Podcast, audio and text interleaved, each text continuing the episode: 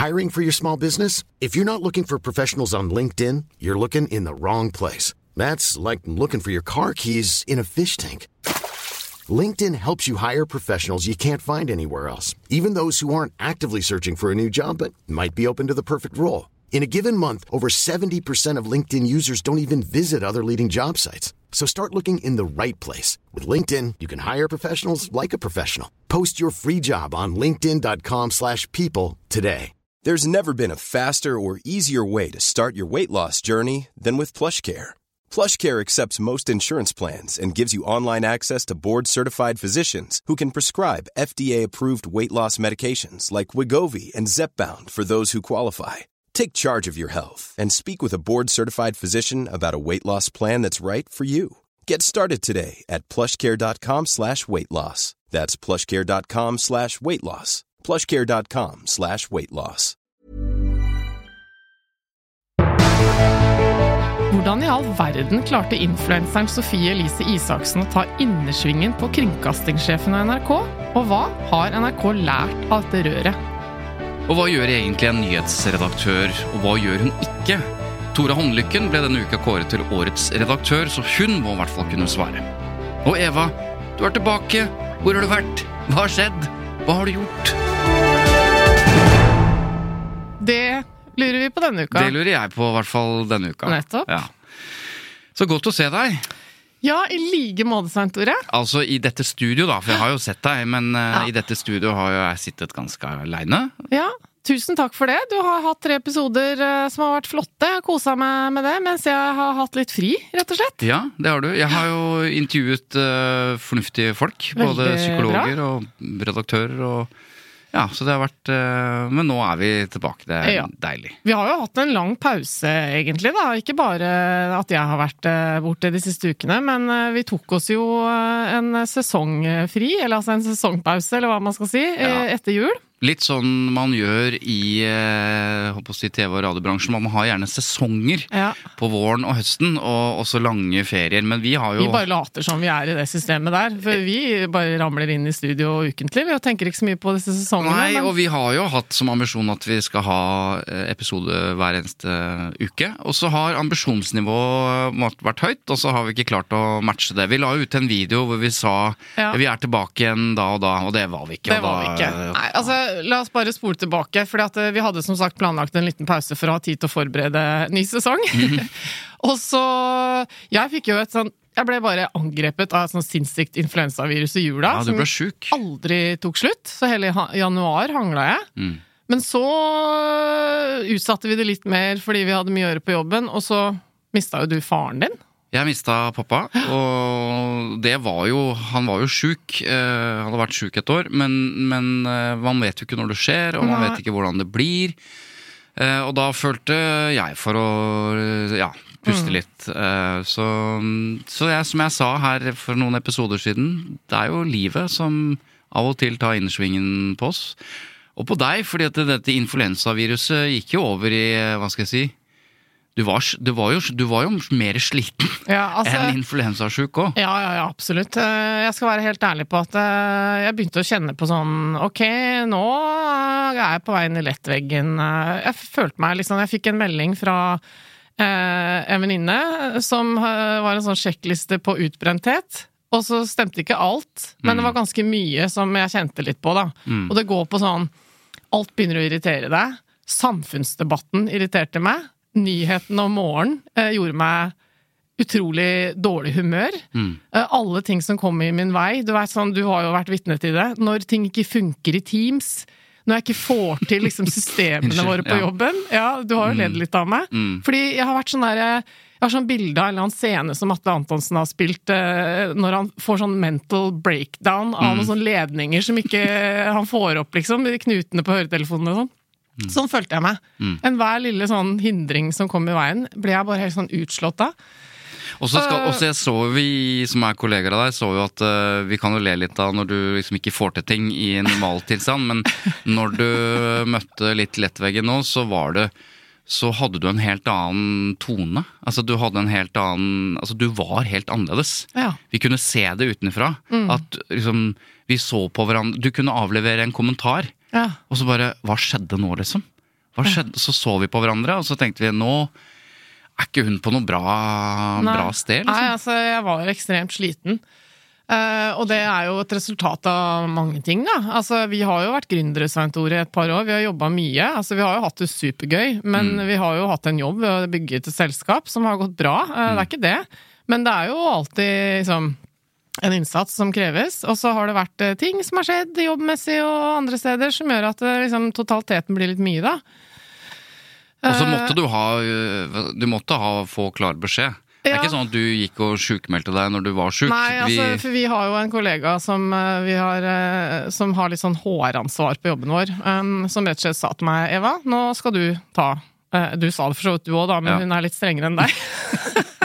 Så, eh, sa nå skal du ta litt fri. Eh, nå må du liksom bare reboote. eller, eller hun sa egentlig 'gå til legen på mandag', Ja. og da var legen enig med henne. Ja, det som er, eh, det som er morsomt, er at eh, hun jobber mye med krisekommunikasjon. Mm. Så hun skjønte hva slags sted jeg var på, og hvor vanskelig det var for meg å, å ta den turen til legen.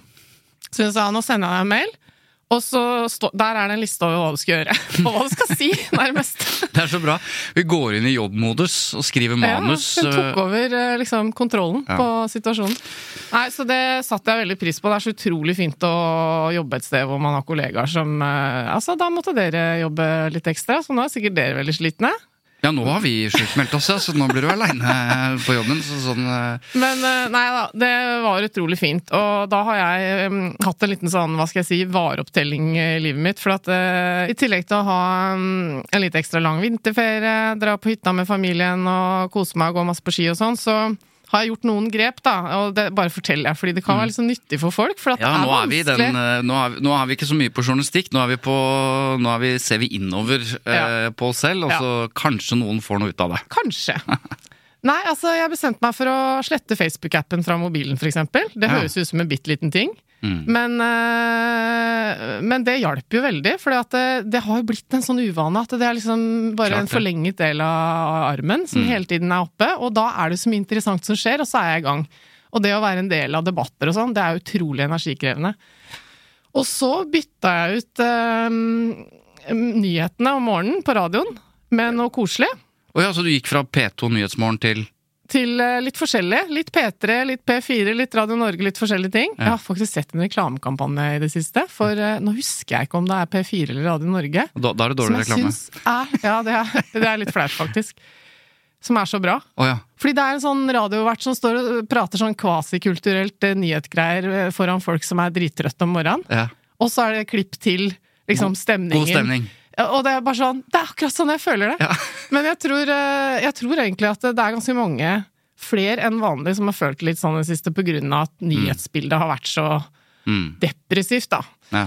Men nei, så jeg har egentlig levd i en liten boble i to-tre uker hvor jeg nærmest ikke har forholdt meg til nyhetene. Det har vært eh, litt deilig, men eh, det er jo ikke noe Det er jo ikke en normaltilstand jeg liker å være i. Men det var greit å ha en liten sånn, eh, hva heter det, sånn uh, detox. Reboot, detox, pause. Og så begynte du denne uka. Ja, jeg har sagt fra meg et styreverv som satt litt langt inne, som jeg elsket. Men eh, jeg tenker bare at man må jo ta konsekvensen når man ser at det er for mye. For vi har jo jobben vår, som er liksom, hva skal jeg si, 100-150 Mm. Og så gjør vi dette, som er jo er en ekstrajobb. Og så når man da har ting i tillegg, f.eks. skriver noe på Facebook som blir eh, sitert i mediene som man må svare Alt dette tar jo ekstra tid. Ja, det gjør det. Men jeg tenkte på, før vi avslutter dette her og går inn i de eh, spørsmålene som vi har stilt ehm, Vi skal snakke litt om eh, NRK. vi skal snakke med Tora Håndlykken, nyhetsredaktør i Ja. VG, som ble kåret til årets redaktør. Stas. Men jeg tenk, kom til å tenke på det, for du sa i går at du hadde fått noe Vi har fått spørsmål fra lytterne hvor du har vært, Ja. eh, naturligvis. Ja, det også, jeg jo, men det er også en mediehenvendelser på liksom Ja, vi ser at Eva har vært borte og sånn. Så jeg tenker, nå har du fortalt det. og vi har jo snakket om dette før, hvordan podkaster er et rom hvor man snakker kanskje mer og Ja. Mm. føler at, det er et, at man ikke er skal si, Man serverer ikke sitater i en podkast, man sitter og prater, man har en samtale. Mm. Men den samtalen vi har hatt nå, du skal ikke se bort ifra at eh, deler av den blir sitert, hvis noen ønsker å liksom skrive om hvorfor du har vært borte. Ja, men altså, hvorfor skulle de det? Nei, jeg bare sier at det kan skje. Jeg mener I og med at du har fått spørsmål om hvorfor du er borte. Ja, altså jeg skjønner liksom Jeg skjønner hvis det, et, en statsråd eller noen som ikke har vært på vakt, mm -hmm.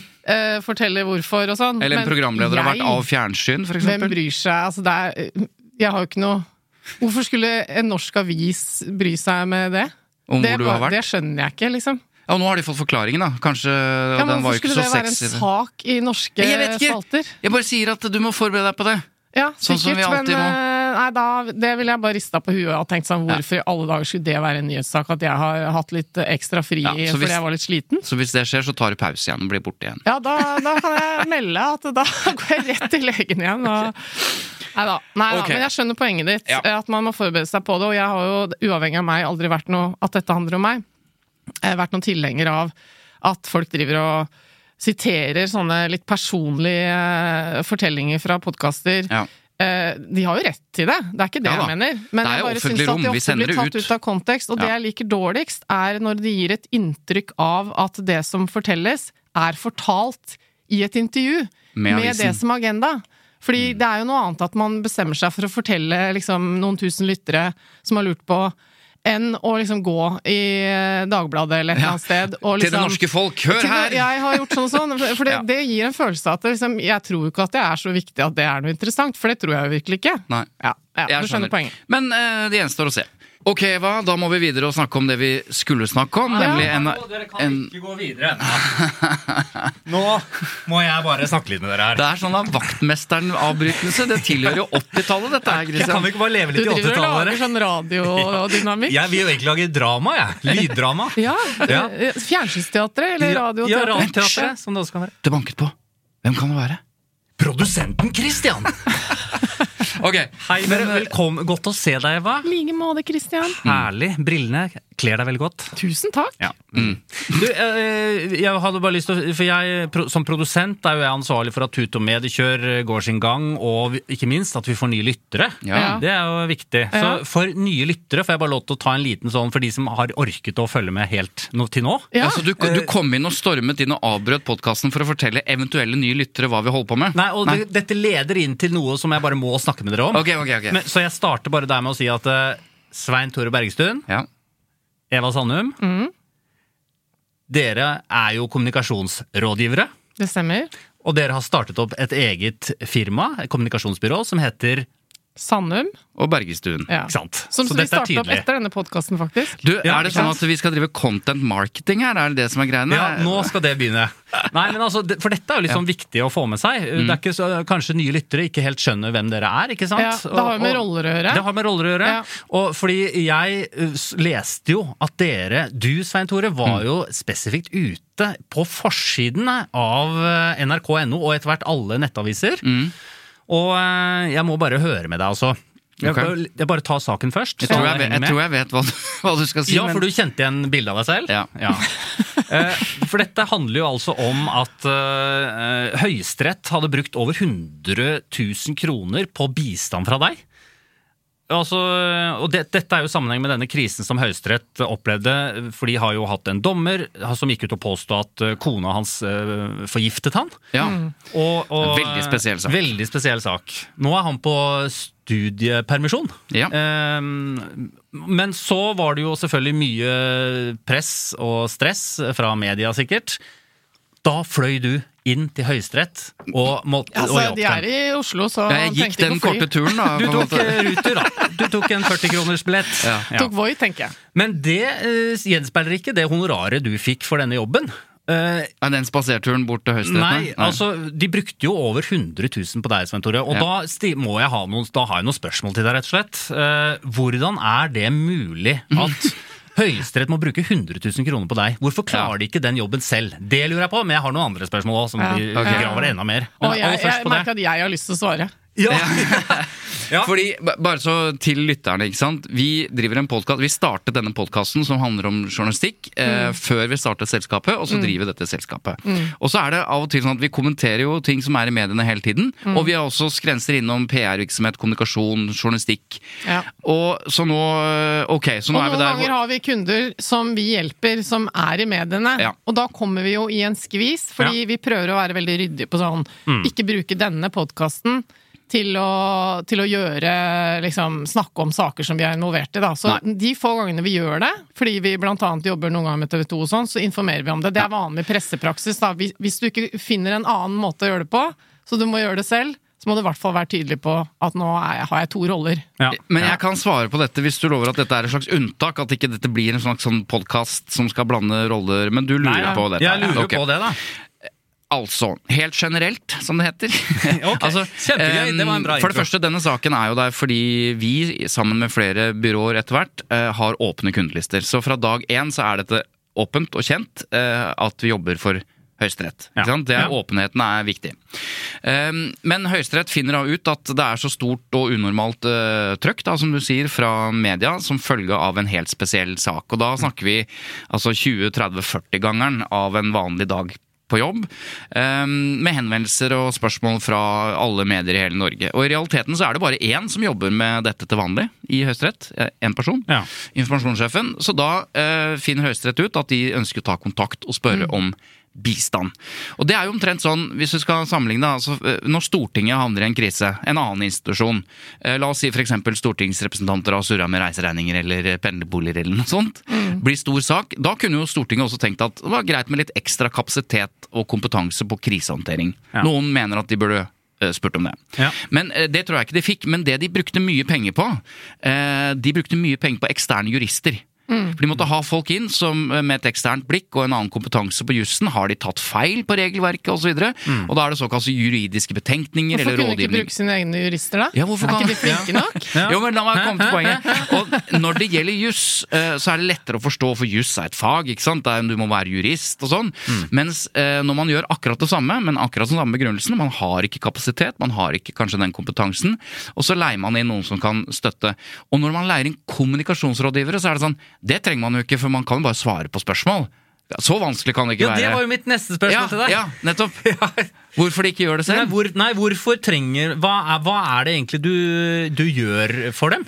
Nå er vi inne på noe som irriterer meg ganske mye. da. Og Ja. det er at eh, Når det skrives om den typen saker som handler om at offentlige institusjoner eh, leier inn eh, kommunikasjonsrådgivere, Ja. så er det akkurat som at liksom, premisset der er at eh, kommunikasjon ikke er så viktig. Hvorfor trenger dere kommunikasjon? Kan dere ikke bare svare på spørsmålene vi har som journalister? Altså, I det så er det akkurat som det ligger en sånn oppfatning om at eh, vi journalister driver jo med informasjonen. Vi, eh, Kan Ja. bare, vi kan jo gjøre dette for dere, men det er jo ikke sånn det er. Fordi at journalister har jo alltid veldig kritiske spørsmål og er ute etter en vinkling og sånn. Så det er litt nøye hva man svarer.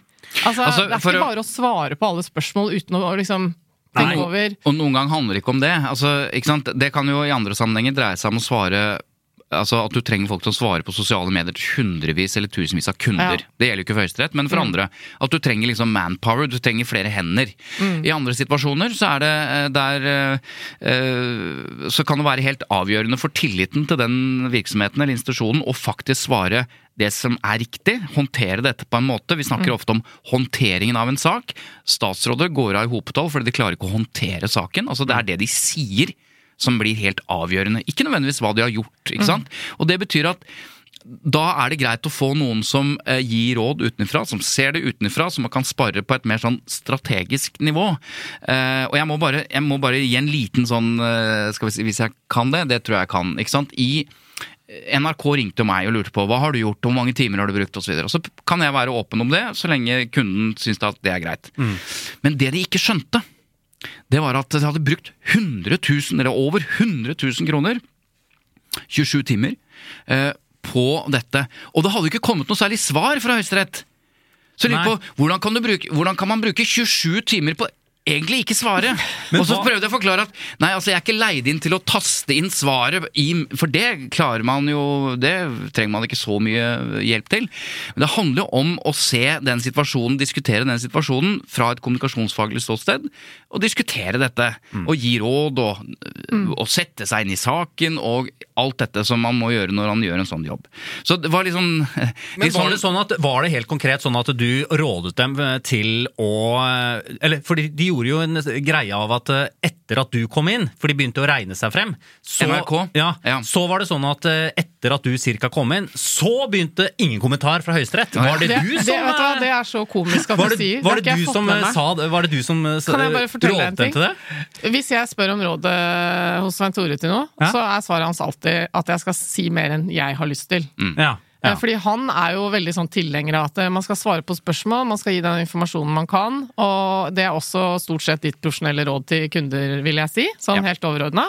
At uh, ingen kommentar, det, det flyr ikke. Og så er det ikke helt riktig at uh, det plutselig av ble det ingen sånn. kommentar. Altså. Men, men uh, her altså En ting er åpenhet, men det er klart hva- helt konkret hva slags taktiske, strategiske råd jeg gir til kunder, det går på en måte grensa. Det, ja, jeg tror folk Ja. skjønner det. Men det jeg kan si er riktig, jeg kan bekrefte det Eva sier, at generelt sett så mener vi at åpenhet og en tydelig kommunikasjon og svare på spørsmål er stort sett alltid bedre enn å ikke gjøre det. Det er Akkurat jo der ble det content-innhold i men Vi har jo en grunnleggende holdning eh, at eh, journalister har krav er. Ja, Journalister har krav på svar.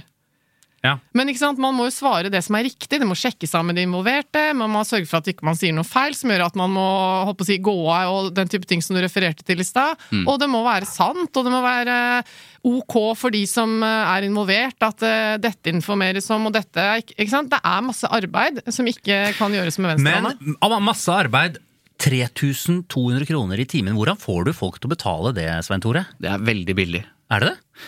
Ja, Prøv å leie en advokat da, for å få skrevet ut et papir på tinglysing, og så ser du at eh, timeprisen er det dobbelte. Dette handler litt om Ja, Så du sammenligner det med advokat? Det er det alle bør, egentlig? Jeg Nei, men det kan det er- være det andre er typer konsulenter. Uh, men vi har jo ikke For å snakke om pris, da. Dette er jo litt sånn Ok, 100 000 kroner. uh, det du må sammenligne med, da, er at hva er alternativet? Jo, det er å ansette noen og ha noen fast. Som jobber med dette, Ja, ja. i en tid du ikke trenger det. Det er liksom som deg, da. Du driver et lite selskap med noen få ansatte. Og så får du plutselig veldig mye å gjøre i en måned. Du liksom får muligheten til å lage en eller annen stor podkast. Det var en måned. Skal du da leie inn de folka til å gjøre det, eller skal du ansette noen som sitter og venter på et annet oppdrag som kanskje kommer? Ja, men Det- med styret også. den logikken her er jo det som er interessant å se, da, at når denne saken ble publisert, så var det noen som kommenterte dette. Og vanligvis så er jo vi kommunikasjonsrådgivere vant til at å, masse penger på PR osv.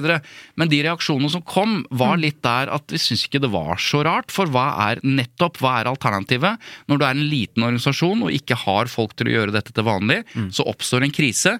Skal du da la være å svare på 140 av de 150 henvendelsene, eller skal du, skal du ansette noen med en gang, eller skal du ansette noen nå med tanke på en neste krise? Det å ansette en helt vanlig kommunikasjonsrådgiver med helt vanlig erfaring, det koster ca. 1 million kroner i året. 1 million kroner i året. En ansatt, ikke sant? Lønn og sånn.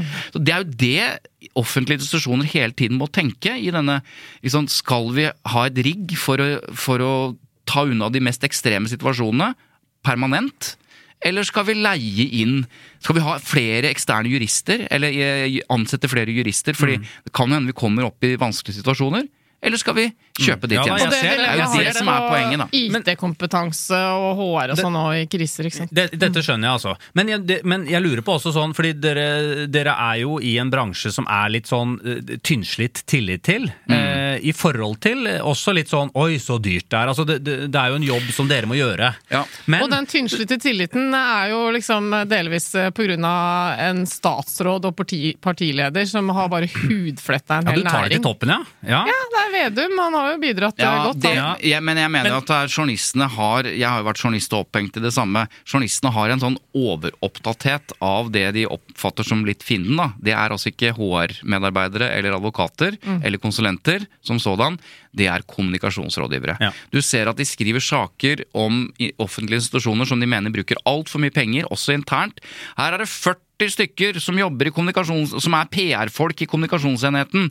Og så viser det seg at nei, det er ikke 40 stykker, vet du, fordi at tre av de er designere og fire er nettredaktører, og noen jobber med brosjyrer. Så det er i realiteten bare sju av de som jobber med PR. Så det er et fortegnet bilde, en sånn overoppdatert av liksom For som du skrev på LinkedIn, Eva, hvor, hvor er den journalistiske eller kritiske journalistikken og som lurer på er det for mange HR-medarbeidere i en bedrift? Det er det ingen som mener noe om, for de regner med at det bare er nok til å håndtere personalsaker. Eller eh, hvor, hvor mange kontrollere trenger en virksomhet å ha? Økonomiske kontrollere. Er- Har de 10? Har de 40? Aner ikke, for vi aner ikke hva som er nødvendig. Stiller ikke spørsmål rundt det. Mm. Men på kommunikasjon det er sånn, Du trenger jo strengt tatt ikke ti stykker som sitter der og klør seg Nei, nei, i huet, liksom. Men er det sånn at dere vurderer litt sånn Fordi den, det, det som blir en sak ofte her, og i mange andre situasjoner, er jo sånn Dere bruker av de offentlige Altså mine skattepenger på en sånn en utgift da på deg, Svein Tore. Det er jo på en måte egentlig grunnsaken her. Mm. Ja. Fordi det hadde jo ikke vært noe stor sak hvis det var en privat Nei, sted. og det er viktig. og det er veldig viktig, og derfor lurer jeg på, vurderer dere det? Eh, Altså hva dere, hvordan dere skal sette pris? Vurderer dere det om det er mine skattepenger, altså offentlige steder eller private steder? Nei, altså det vi kan si er at For det første, det er viktig det du sier nå. Offentlig pengebruk bør det være fokus på. Derav åpenheten. Ja, og det er Der- derav at det er at fokus. vi jobber for Høyesterett. Høyesterett forteller om det. det De ber oss om innsyn. Her er faktura, her er timeantallet osv. Når det gjelder pris, så er jeg litt sånn frista til å sitere en redaktør som ble spurt av en eh, konsulent når han, konsulenten kom inn og skulle se om vi kunne spare noe penger i redaksjonen. Det jeg tror jeg har fortalt det før. Så sier han ja, hva gjør du da? Nei, jeg skriver ledere. Ja, Hvor lang tid tar det da? 20 minutter. 20 minutter? Gjør du noe annet? Nei, nei det er, det er hovedoppgaven, da. Ja. men 20 minutter! Altså Ja, 20 minutter og et helt liv. Du kan ikke skrive den lederen uten at du har jobbet et liv i pressen, eller i hvert fall har erfaring. Og sånn priser vi.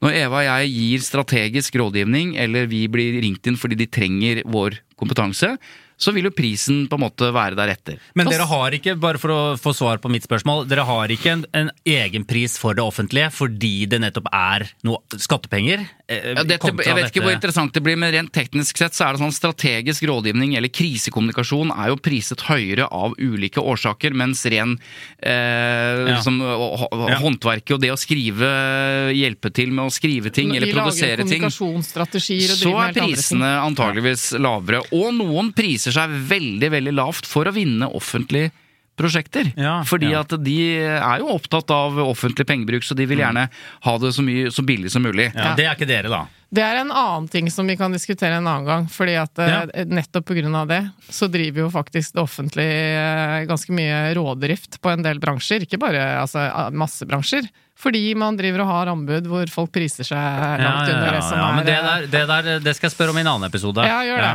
Men da har vi, tror jeg vi har snakket nok om virksomheten. Ja, men det, eh, Nå var det jo jeg som lurte, Ja da, så, ja da. så det er ikke noe, du trenger ikke være ydmyke på virksomheten deres. Virksomheten. La oss snakke om eh, noen andre. La oss snakke om NRK. Ja, Ja. spennende. Men du, da stikker jeg ut. Takk for deg! Takk for meg, da. Takk for spørsmål. For mens du har vært eh, borte, Eva, og jeg har sittet her og gjort eh, intervjuer, og, liksom sittet og sittet på hendene mine, for jeg har jo hatt lyst til å kommentere Sofie Elise og NRK og sånn, for det er veldig mange Ja, er viktige jo- prinsipielle saker. Nå er jo ganske mange folk litt ferdig med den debatten, men vi har jo litt behov for å snakke om den, ja. Ja, for den pågår jo for så vidt Ja, eh, ennå. Nå har Sofie Elise sagt at nå kommer en ny podkast, hun skal fortelle alt osv. Men det er noe her som, vi, som er prinsipielt, og som eh, vi har sittet og sett på både som kjenner av mediebransjen og opptatt av presseetikk og sånn, men også håndteringen av dette, da. Bare sånn i tilfelle noen som hører på har ligget under en stein eller vært i en grotte som meg. Sofie Elise postet et bilde på Instagram sammen med en annen person eh, som holdt en liten pose med noe hvitt i. eh, og så blei det rabalder. Ja. Men det som eh, egentlig ble mer rabalder, var at eh, det at denne samtalen kom i gang, gjorde også at det ble mye mer fokus på noe som det egentlig burde ha vært fokus på tidligere, nemlig eh, et kommersielt samarbeid mellom NRK og influenseren Sofie Elise Isaksen. Hva tjener hun på det? Hvorfor drar de inn en så kommersiell person, som er et dårlig forbilde, mener mange, osv., osv.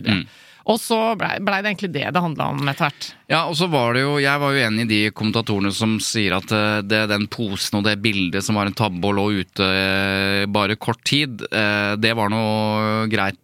Men det er jo innholdet i podkasten. Hvis man hørte på hva faktisk NRK mente var sitat, en viktig stemme, så var den stemmen det, han, det, det handlet jo stort sett bare om ikke bare handlet det, i hvert fall de to-tre to, siste episodene handlet om deres privatliv og hvordan, hvor mye de hadde sex og sånn, men en del holdninger, hvis man skal tenke at det er en viktig stemme for unge, det er en del holdninger som handlet om at eh, ja, dette har vi vært igjennom, men, men eh, det er bare kjipt å bruke kondom, og det, det er bare det er det motsatte av det vi tenker kan være en viktig stemme, da. Ja, og det er jo selvfølgelig stor fare for at vi som er eh, godt voksne, høres eh, moralistiske ut når vi mener noe om, eh, om hva Men nå er jo ikke Isaksen så ung. Målet Målet til NRK er jo å treffe unge jenter, så bare det stiller jeg litt spørsmål ved, liksom. Eh, Jeg men- kan relatere til det. Jeg har jo, har jo unge døtre som er 20 og 23, og de er jo målgruppa som NRK. De hører på Sofie Elise, men de syns jo det er eh, Ja. Ja. Men det er jo masse av den type innhold der ute, så uh, det legitime spørsmålet er må NRK også distribuere det? Den type innhold. Uh, og så hører jeg når jeg diskuterer dette her med folk, at uh, jo, jo, men Sofie Elise setter fokus på masse viktige ting og sånn. Ja, for så vidt, det gjør hun innimellom. Men jeg personlig mener at det, er jo ikke så veldig vanskelig å gjøre når du er en millionbedrift eh, som Sofie Elise er, og får så mye oppmerksomhet og gjør mye som kan kritiseres, og innimellom også være litt flink og sette fokus på noen viktige saker. Så det er fint, det. Men det veier ikke opp i, i mitt hode Nei. for all den dårlige påvirkningen som, eh, der- som en sånn influenser også uh, har, da. Og der kommer poenget. fordi at uh, i det store rommet, som kalles den offentlige debatten og ytringsfrihet og lag noe alt du vil av podkaster det vi snakker om, er om NRK skal være plattformen for den type podkaster. Og her kommer jo på en måte eh, kritikken mot NRK, fordi det er Er det en viktig stemme? Eh, Sofie Elise, representerer hun en viktig stemme som NRK bør, bør videreformidle? Eller er det andre type eh, stemmer, unge mennesker som ikke er superkommersielle og allerede har en voldsomt stor plattform blant de unge? Treffer jo mange flere unge enn det NRK gjør, bare på sine egne plattformer. Har kommersielle samarbeid osv. Det er åpenbart andre unge, enten det er forbilder, stemmer eller personligheter, som NRK bør finne. Det er rett og slett Jeg er nå, i sum, etter å ha fulgt dette, jeg er altså så overraska og skuffa Ja. over alle beslutninger NRK har tatt fra de sa ja og inngikk samarbeidet, til å ikke kontrollere avtalen og ikke gjøre, øh, gjøre gode nok forberedelser, til den nye kringkastingssjefen som fikk sin svenneprøve, sin ilddåp i debatten, NRKs eget program med Fredrik Skavlan. For Nei, Fredrik Solvang.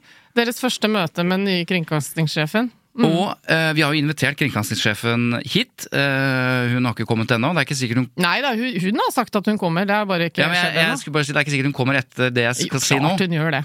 Ah, ja. Og det er, og det er at fra, både fra et journalistisk og et kommunikasjonsfaglig ståsted, så tror jeg ikke jeg, jeg banker innen åpne dører når jeg sier at det var utrolig dårlig håndtert. Ja. Og utrolig dårlig forberedt. Ja, jeg vil si at uh, altså, Det som jeg ble litt glad av, det var å faktisk se på direkten i debatten at uh, det er ikke sånn at de på bakrommet har avtalt uh, hvert eneste spørsmål Fredrik Solvang skal stille sin øverste sjef. Det var veldig tydelig at han liksom grilla henne skikkelig, og at hun ikke hadde fått forberedt alle de spørsmålene som kom, i hvert fall ikke godt nok. Så det syns jeg på en måte var litt fint, da. Det, Også, det, er det, en, det er det eneste som trekker opp NRKs troverdighet Ja. uh, i denne Og saken, sånn er at han var faktisk det griller henne. En litt viktig ting, syns Ja. jeg, da. Og så syns jeg hun var flink uh, i alt det som ikke gikk så bra, uh, til å få frem to ting. Og det ene var at hun liksom understreket hele tiden at dette er ikke det eneste NRK gjør Mm. for å nå de unge. For nå virker det litt sånn, og det er jo sant, de gjør veldig mye bra også, bare så det er sagt. Og så var hun litt sånn eh, opptatt av eh, Når han hele tiden spurte liker du innholdet, syns du dette er bra, og har du hørt på Sofie Elises podkast og sånn, så var hun veldig opptatt av å si at ja, men dette skal jo ikke treffe meg. Nei. det er jo også sant. Og da brukte han jo ordet rundpuling, er det godt innhold, liksom? så, og så blir, og jeg er jo enig med henne når hun sier at eh, Nei, jeg altså, Hun svarte jo ikke at 'jeg liker det ikke', som jeg mener at hun kunne ha gjort. da Og det er, det er greit. det er greit at hun distanserer seg fra målgruppen, men hun er sjefen. Ja da, Så hun, hun insisterer på at denne podkasten er viktig. På hvilket grunnlag? Ja, og det er jeg også uenig i. Jeg vil bare sitere Erle Marie Sørheim, som vi også har hatt i podkasten her. Hun skrev på Facebook NRK 2015. Vi vil treffe tenåringsjenter, la oss lage en nyskapende dramaserie. Altså Skam. Eh, NRK i 2022 skal vi be hun Sofie Elise om å snakke om sexlivet sitt i en podkast for å treffe tenåringer! Ja! Kjempeidé! Og det er der det blir flaut, da. fordi at når du ikke har forberedt verken avtalen eller argumentasjonen for hvorfor dette er en viktig stemme, og det går til helvete, sånn som det gjør, så, er, så blir det så gjennomsiktig at de gjør dette bare for i en slags desperasjon. Jeg kan ikke skjønne annet for å treffe en stor målgruppe, altså Sofie Elises allerede etablerte Ja, målgruppe. det. Men en annen ting som jeg syns var dårlig og litt flaut i debatten, eh, var når det ble snakk om ja, hva er avtalen med Sofie Elise, hvor mye tjener hun på dette og sånn. Mm Så forstår jo vi og de fleste andre at det, det er lov for en virksomhet å ha avtaler som ikke skal ut i offentlighetens lys. Altså NRK har masse samarbeidspartnere, programledere vi kjenner godt, som ikke er ansatt i NRK. Og dermed vet vi ikke helt hva de får. Så det må jo være greit, men jeg bare syns det var litt sånn pinlig allikevel at hun måtte stå der og nekte å fortelle oss hva NRK bruker på å hente inn en så kommersiell eh, person som Men det er, ikke Sofie gitt, det er ikke gitt at man ikke skal fortelle Nei, heller. jeg synes det er litt sånn- Uh, Når vi leies inn av Høyesterett Ja. Det er en offentlig institusjon. Mm. NRK er en offentlig institusjon. Der blir prisen vår, timelisten, Ja, alt offentlig. Vi har innsyn i det. Hvorfor skal man ikke kunne be om innsyn i en kommersiell avtale som hun gjør med NRK, egentlig? ja, jeg er enig. Men uansett. Men du, eh, det er en annen ting som, er, eh, som jeg har stussa litt ved i denne saken. Mm. De identifiserer ikke den andre jenta på bildet til Sofie Elise på Instagram. ja, og så har mange liksom- gjør ikke det. Hele Medie-Norge har redegjort, føler jeg, øh, for dette. Eh, Fordi nå har jo veldig mange medier blitt superflinke til å ha sånn 'derfor gjør vi sånn'. Derfor identifiserer vi. Derfor identifiserer vi ikke. Jeg leste både TV 2 og VG, vet jeg har gjort det. eh, Liksom skrevet om begrunnelsen. Ja. Og så er det noen som har gjort det. Ja, Nettavisen har, eh, har identifisert eh, den Og dette er jo da Jeg kan jo si det. Altså Hvis noen lurer. Nei, ja, du kan jo ikke det. Eller, Kan jeg vel? Kan du det? Ja, du kan Det, jo det, dette, men, er, dette er kjæresten til Marius Borg Høiby. Altså sønnen til kronprinsessen. Ja, men vi trenger jo ikke å Nei, du trenger ikke. blowe det. Du trenger ikke. Jeg kan gjøre det. Og det er jo litt av komikken her òg? Eller ikke komikken, men det er litt av Sånn er det. Noen medier velger å ikke identifisere henne. Hovedbegrunnelsen er jo at hun ikke har postet dette bildet selv. Ja, ikke sant? Ikke sant? Det ble postet på Sofie Elise sin Instagram. Ja. Så i teorien så kan jo det ha skjedd uten at hun hadde samtykket, eller Det er riktig. Ja. Det er hovedbegrunnelsen for at uh, ikke TV 2, ikke VG, ikke Dagbladet, så vidt jeg vet, kom, eh, identifiserer. Nettavisen har gjort en annen vurdering, uh, og identifiserer eh, denne Nora. Ja. Og nyhetsredaktøren uh, sier jo at uh, sitat lettere parodisk ble det også da vi i redaktørstyrte mediene fant ut at vi ikke kunne fortelle hvem den andre influenseren var. Og han viser til Vær varsom-plakaten uh, som de må forholde seg til, at, at det kunne jo hende at bildet var publisert mot venninnens vilje. Men så sier han men derfra til å holde leseren i totalt mørke om hvem dette dreier seg om, er et drøyt stykke. Et stykke Men- som truer med å gjøre Vær varsom-instituttet til en parodi på seg selv. Og så utdyper han overfor Medie24 da, at eh, selve det faktum at det er denne kjente influenseren som er med på det omtalte bildet, er en saklig opplysning som er vanskelig, vanskelig kan se er brudd på noen presseetiske regler. Å gi offentligheten innblikk i saker av offentlig interesse er tvert imot en av pressens viktigste oppgaver. ja, jeg kjenner at eh, jeg er litt usikker på om jeg er enig. Uh, usikker, altså. Fordi bare det at hun er kjæresten til noen, liksom. Nei, det er vel ikke det han mener. Det er at hun er med Sofie Elise Ja. på uh, Hun er en stor influenser selv, Sofie er det. De henger sammen, Ja, de er på fest, Nei, de tar for selfiebilder. Begrunnelsen til at hun er kjæresten til en som uh, Nei, er har ikke- med det kongefamilien å Nei, gjøre, det da. er ikke begrunnelsen. Uh, Det ville vært litt svakt, syns jeg. eh, da er det sånn, ok, Hvis hun var kjæresten til noen helt andre tilfeldigvis, så altså, det blir jo rart. Jeg oppfatter Men- at eh, rett og slett at når du alle snakker om dette bildet, det er to influensere, og, så- og så blører du ansiktet den ene, som har hundretusener av følgere, Ja. fordi, hun bare, fordi vi er litt usikre på om hun visste at bildet ble tatt. Mm. Jeg skjønner Stefansen i Nettavisen, når de, og de kommer kommer aldri til å bli felt for det, tror jeg. Det er en etisk vurdering hvor noen faller ned på den siden, andre faller ned på den siden. Men noe brudd tror jeg ikke det er. Så Mm. Nei. jeg kan forstå begge begrunnelser, da. Det som er komisk, er i hvert fall at uh, denne saken er litt sånn som det er noen ganger i Medie-Norge. At uh, redaksjonene gjør ulike vurderinger, og så sitter de nærmest i samme debatt og én insisterer på å ikke si navnet til den de snakker om, mens en annen uh, insisterer på å si navnet. og så Det blir litt sånn oppkonstruert uh, opplegg, da. Ja. Men bare for å avslutte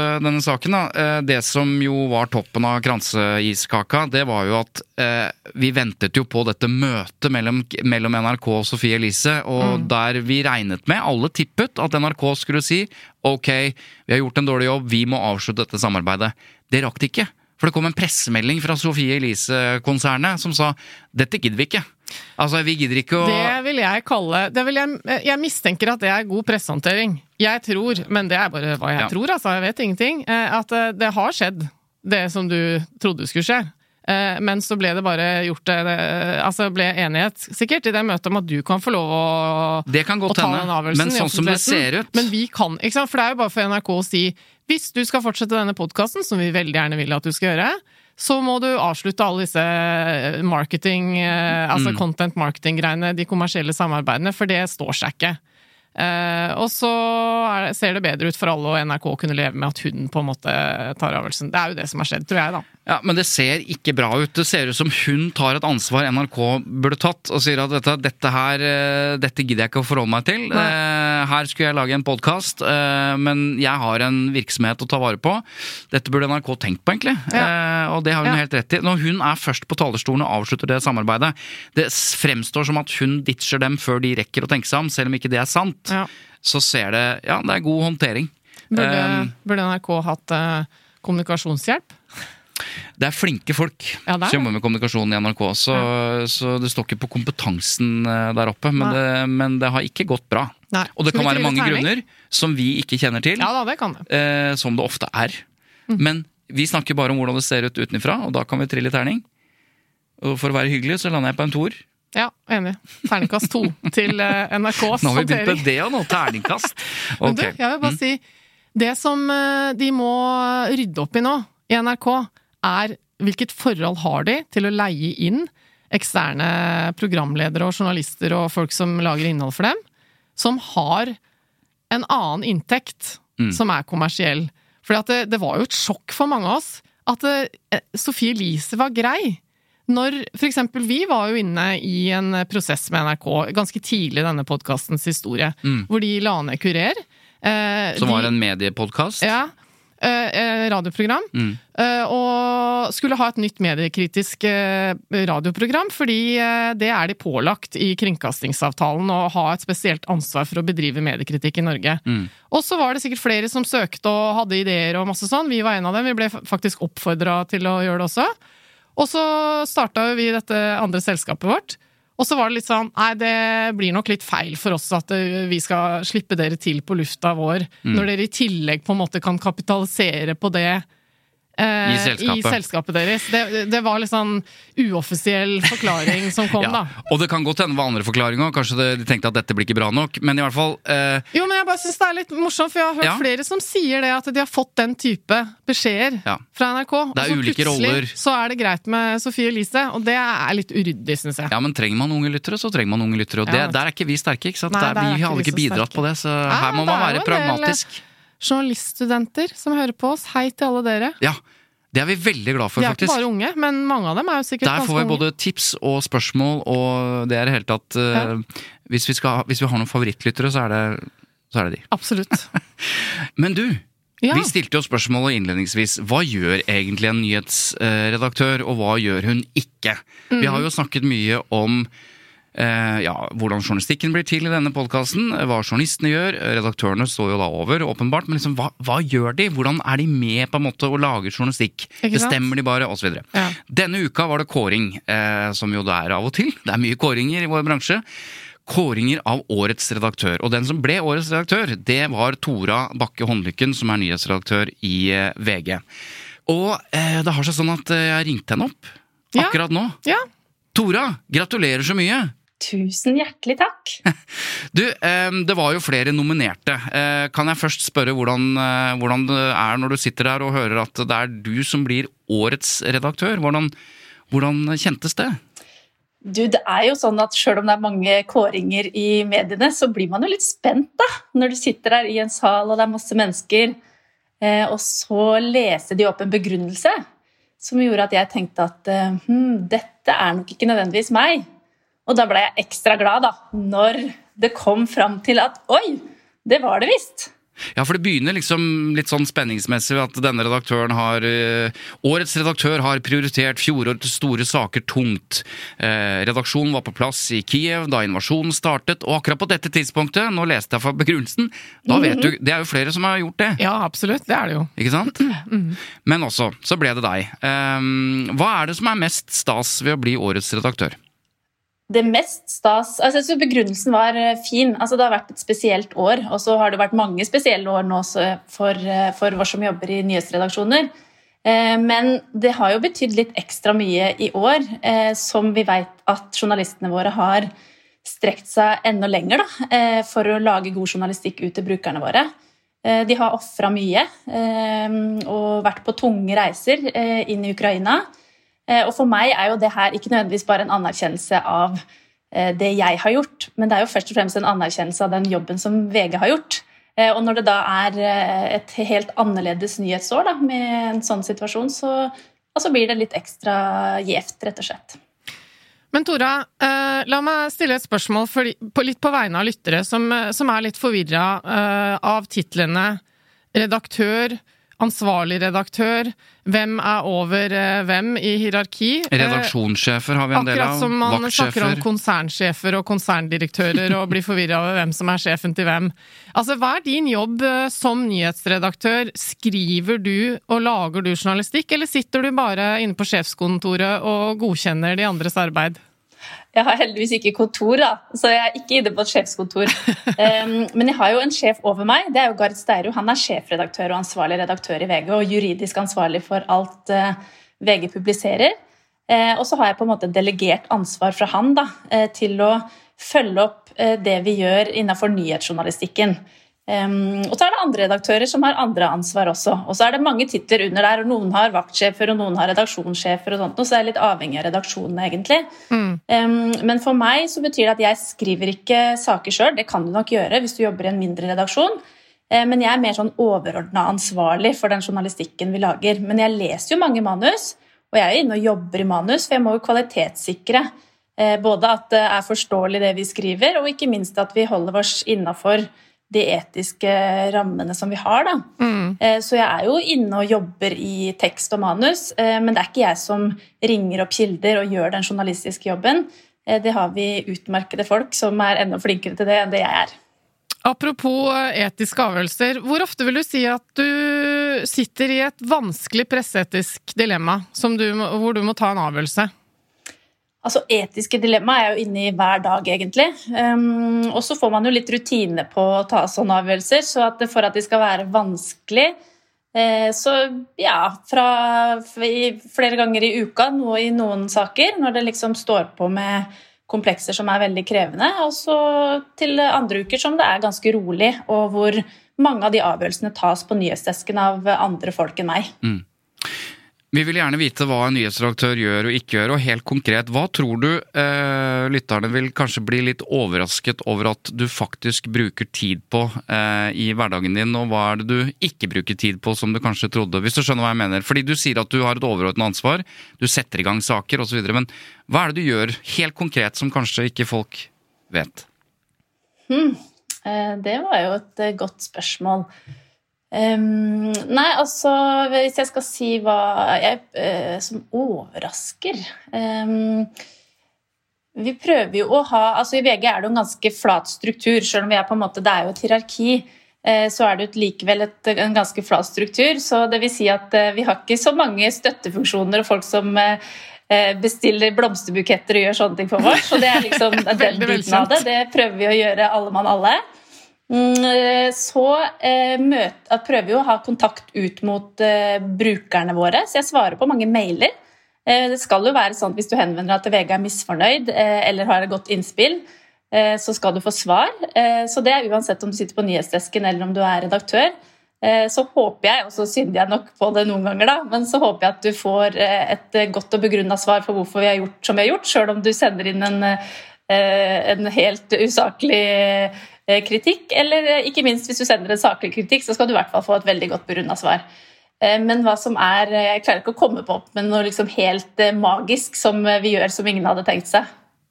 Du, um, Som du hører, eh, Tora, så er jo mediekritikerne Sandum og Bergestuen ikke helt uh, i et aggressivt modus. fordi du har jo fått uh, prisen for årets redaktør, så vi tenkte vi ikke skulle bruke denne anledningen til å stille deg masse kritiske VG-spørsmål. Men kan jeg likevel eh, spørre avslutte en litt sånn alvorlig note? fordi for et par episoder siden så hadde jeg en psykolog på besøk som har skrevet en bok og forsket på hvordan medieofre eh, håndterer og takler det å ha stått i en krise, en medieeksponert krise, og hva som skjer etterpå. Og så snakket vi også om at eh, det som er blitt mer vanlig i mediene, er at mediene, redaktørene, tar kontakt med de det gjelder. Altså Vi har jo en sak som dere har brukt ganske mye tid på å vurdere etisk, nemlig om denne psykiateren, som mange kjenner til. Den saken hvor, hvor det kom ut varsler mot en psykiater. Mm. Han er ikke identifisert, men det er ingen tvil om at dette er en veldig veldig vanskelig sak. Og du trenger ikke å kommentere den spesielt, men det faktum at man oftere tar kontakt med den det gjelder, eller de rundt, eh, for å høre hvordan liksom, situasjonen er. Kan du si litt mer om din rolle i, eh, i en sånn, eh, sånn vurdering? Ja, og der, eh, der har du jo helt rett. ikke sant? Jeg tror nok at vi har blitt flinkere til å um, legge til rette for å oppsøke, da. um, og ha lytteposter rundt de vi skriver om, som åpenbart uh, opplever den omtalen vår som uh, veldig, veldig belastende. Um, så det som er viktig å tenke på, da, tenker jeg mot, mot en redaksjon, at, uh, at folk kan jo ta kontakt med oss og snakke med oss uten at det er et intervju. Mm. Eh, At man kan ha en uformell og, og bare legge det som et premiss. Og hvis vi går med på det, så kan man jo eh, fortelle veldig mye om en situasjon eh, og få garantier for at eh, ikke noe av det kommer til å Mm. eh, komme på trykk. Og det er jo ekstremt verdifullt eh, for oss, fordi at hvis ikke vi får de lyttepostene, eh, hvis ikke vi får den informasjonen, så er det jo også helt umulig å liksom ta det med Da kan jo vi tenke at eh, situasjonen er sånn eller sånn, og liksom ha noen forestillinger om det, men vi, men vi får ikke helt konkret informasjon rundt det. Mm. Um, så det tror jeg at vi også er litt dårlige på å forklare. eller at Folk skjønner jo ikke helt den journalistiske prosessen eh, alltid. ikke sant? Eh, og Noen er jo da heldige at de kan ha inn medierådgivere og ha uh, advokater som kan liksom gå inn og ta den rolla. Uh, men det er jo viktig for oss å få fram også at vanlige folk kan også ha den dialogen. ikke sant? At man kan få en uformell samtale eh, og fortelle da, hvordan man har det. Fortelle hva er det som er ekstra krevende eh, at eh, bli med i en sak. Kan vi eh, komme i møte på det? Og ofte eh, Vi gjør jo vurderinger da, og det, noen ting kan vi ikke komme i møte på, for det er så viktig at det skal komme fram. Men andre ting kan vi, kan vi jenke litt på. Det er kanskje ikke så avgjørende for oss, men veldig avgjørende for den vi, den vi, den vi eh, omtaler. Jeg vet du skal videre i et møte, Tora, men Eva brenner inne med et siste spørsmål. Nei, det var egentlig bare en kommentar. Veldig glad for at du sier akkurat det, Tora. Og nøkkelordet, eh, bare til lyttere som eventuelt kommer i en slags mediestorm, er jo da at det kalles en bakgrunnssamtale på fagspråket, sant? Helt riktig. Og at, eh, og at det er liksom viktig at eh, man må sørge for at eh, både du, da, hvis det er du som er i samtalen, og den kilden eh, har en slags eh, innforståtthet eller en avtale om at dette sier jeg på bakgrunn, det er et sånt nøkkelord. Eh, og min erfaring er jo da at journalister Dette er veldig hellig. Så hvis man har gjort en avtale i en telefonsamtale med en kilde som man egentlig vil intervjue osv., så, videre, så er det alltid mulig å være tydelig på det, og det vil jo dere alltid holde. Og det mener jeg er et veldig godt råd til alle som har med mediene å gjøre, nettopp at det finnes den muligheten, og jeg er enig med deg. Dere er ikke så gode til å gjøre vanlige mediekonsumenter oppmerksomme på den muligheten, så det er utrolig viktig. Da ble det en oppfordring her da til slutt om å bli enda bedre på det. Og igjen, Tora Bakke Håndlykke, nyhetsredaktør i VG, gratulerer med prisen, og Gratulerer. lykke til i din travle hverdag. Tusen takk. Det er så koselig med Tora Håndlykken, for du har så fin dialekt. Ja. Jeg elsker folk som sier vårs og sånn. Da blir de så koselige med en gang. Jeg tror det er et triks, da. Nettopp at uh, man, man sier det. Man uh, bruker en sånn dialekt for å, nettopp for at du skal synes de er mer hyggelige. Jeg la nemlig merke til på The. Voice at uh, dommerne kommenterte at uh, det er litt sånn i musikken nå, at ting blir så fort mye finere når folk synger på dialekt, sa Mm. det. For østlandsk blir så hardt. Mm. Men du, Ja. når vi snakker om årets redaktør, eh, som da er en kåring som uh, Norsk Redaktørforening gjør, så vil jeg også bare nevne at uh, årets meningsbærer det ble Håvard Melnes, som vi har hatt Ja. som gjest her et par ganger. Redaktør for Josimar, dette fotballmagasinet. Ja. Som, som jeg syns var verdt å nevne, fordi at som de skriver da, i begrunnelsen, at det var Josimars journalistikk som skapte den grasrotbevegelsen i norsk breddefotball som krevde at fotballpresidenten skulle kritisere flere forhold rundt Qatar-VM og Det internasjonale fotballforbundet osv. Så. Eh, så det syns jeg han skal ha. Det er jo nisjeavis. Mm. Eh, Veldig liten, kan man si, i sammenligning med Ja, f.eks. da, og de sliter med å få dette til å gå rundt økonomisk, og sånn som mange nisjeaviser Ja. faktisk gjør. Så han har gjort en jobb eh, med å liksom gjøre fotball til kritisk Ja. journalistikkområde. Mm. Så gratulerer til han og til Tora og til flere som vant priser på denne kåringen. Vi må avslutte. Må vi det? Ja, det var hyggelig håper å si, så lenge det varte, men og hyggelig å ha deg tilbake. Men vi vi må rett og Veldig slett koselig. avslutte. Dette har jeg virkelig gleda meg til å fortsette med. Lyd i produksjoner eh, produserer Tut og Mediekjør. Eh, Vi er tilbake som Christian, regel. da, som vi nå Ja, har skjønt. da. Ja. Mm. Um, og, og vi vil gjerne ha flere spørsmål på tut at lydeproduksjoner.no eller på Messenger på Facebook-siden. Mhm. Så bare send inn spørsmål om alt vi har snakket om, eller har lyst, dere har lyst til at vi skal snakke om. Så høres vi igjen når de vil. Altså Ja. lytterne våre, da. ja. Antageligvis neste uke. Antakeligvis neste uke. Ja. Ha det, da. Ha det.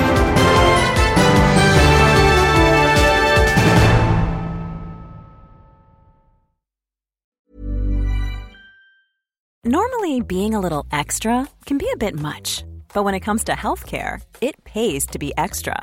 And United Healthcare makes it easy with Health Protector Guard fixed indemnity insurance plans. Underwritten by Golden Rule Insurance Company, they supplement your primary plan, helping you manage out of pocket costs without the usual requirements and restrictions like deductibles and enrollment periods. So when it comes to covering your medical bills, you can feel good about being a little extra. Visit uh1.com to find the Health Protector Guard plan for you. When it comes to your finances, you think you've done it all. You've saved, you've researched, and you've invested all that you can. Now it's time to take those investments to the next level by using the brand behind every great investor, Yahoo Finance. As America's number one finance destination, Yahoo Finance has everything you need, whether you're a seasoned trader or just dipping your toes into the market. Join the millions of investors who trust Yahoo Finance to guide them on their financial journey. For comprehensive financial news and analysis, visit yahoofinance.com, the number one financial destination, yahoofinance.com.